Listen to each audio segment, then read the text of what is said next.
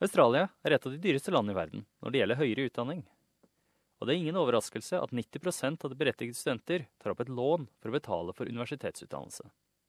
Det er ulike typer lån samt stipend for å hjelpe studentene med sine studiekostnader. I Australia koster en treårig lavere grad ca. 32 000 dollar. Og ikke mange kan betale det på forhånd. Andrew Norton er leder for høyere utdanning ved Grattan-instituttet. Han forklarer at universitetsstudenter blir tilbudt enten et samveldesøttet studieplass eller en betalende studieplass. So a Commonwealth supported place is a university place that is subsidised by the federal government and those subsidies range from only about $2,000 for a law or business degree to more than 20,000 for medicine. But that means that this course is cheaper than a full fee course. Læringsprogrammet HELP består av fire låneordninger. Den viktigste og mest populære er HEX Help. Under den kan studenter som er australske statsborgere låne penger fra regjeringen for høyere utdanning.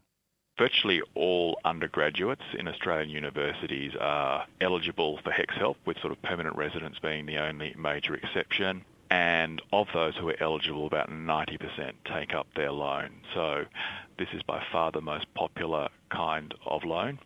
And if you're an undergraduate, it's pretty unlikely you will have any loan except that. Studentene begynner å betale tilbake lånet når de tjener over et visst beløp. At the moment, it's uh, just under $56,000. But for next year, it's going to drop down to, next financial year, it's going to drop down to $52,000. So it'll affect uh, slightly more people than the current threshold. Og frem til utgangen av juni måtte ikke australiere med help-gjeld, som bodde i utlandet, betale det tilbake mens de bodde utenfor Australia. Men Andrew Norton sier at siden 1. juli er ikke det tilfellet lenger. From basically this financial year, people will have to repay their help essentially on the same basis as if they were in Australia. So it means that the their foreign income will have to be converted into Australian dollars. And if it's over the threshold at which people in Australia have to start repaying, uh, they need to repay on the same basis. I tillegg til HEX er det tre andre lån tilgjengelig for å hjelpe studenter. Then there's another scheme called Fee Help, and that applies to students who are in full fee places. And that's mostly postgraduate courses or courses in private higher education providers. SA Help is to pay for your student amenities fee, so each university charges about $300 for extra non-academic services. OS Help is if you want to do some a semester overseas in a foreign university, uh, OS Help pays for that. And vet fee help is something that applies to diploma level courses in vocational education.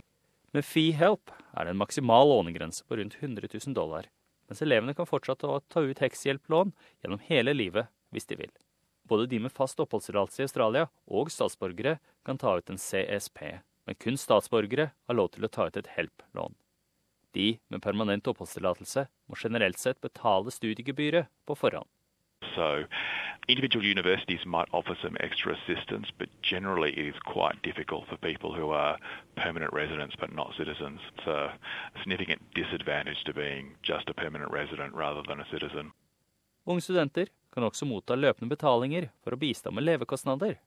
Youth allowance applies for young people aged up to 24. Fairly complex eligibility, but generally people whose parents uh, earn up to $150,000 can get at least some youth allowance, not necessarily the whole amount. And so that can be a valuable assistance to people who are seeking to go to higher education. Generally, most students also work, so it's, it's a combination of your own income and youth allowance. Det kan være ganske vanskelig for asylsøkere og flyktninger på midlertidig beskyttelsesvisum å ha råd til utdanning uten statlig støtte. Tim O'Connor fra Refugee Council sier at de har jobbet med universiteter for å gi stipend for å hjelpe disse menneskene. They give people who may not have had that opportunity the opportunity to go to university. And what we know through with so many refugees and so many other people who are seeking asylum is that they're desperate to start to rebuild their lives. Uh, education provides routine and it also provides opportunity an opportunity to go on and get a better job and contribute to their full potential and also importantly contribute to the Australian economy. Many refugees want to do. I øyeblikket jobber de med rundt 14 universiteter over hele Australia. Tim O'Connor deler suksesshistorien til én av disse studentene. He missed out on six years of school when his family was forced to flee his home in Kabul due to persecution. His his father had been killed, so the family decided to to flee. They were in Pakistan for a number of years where he wasn't able to access education at all. He came to Australia. He was 21 when he enrolled in school. He started off in year eight and was quickly accelerated through because he was very bright. Picked up English very quickly. Uh, he's now studying engineering at one of Australia's most prestigious universities, and last year he received the University Medal for his year.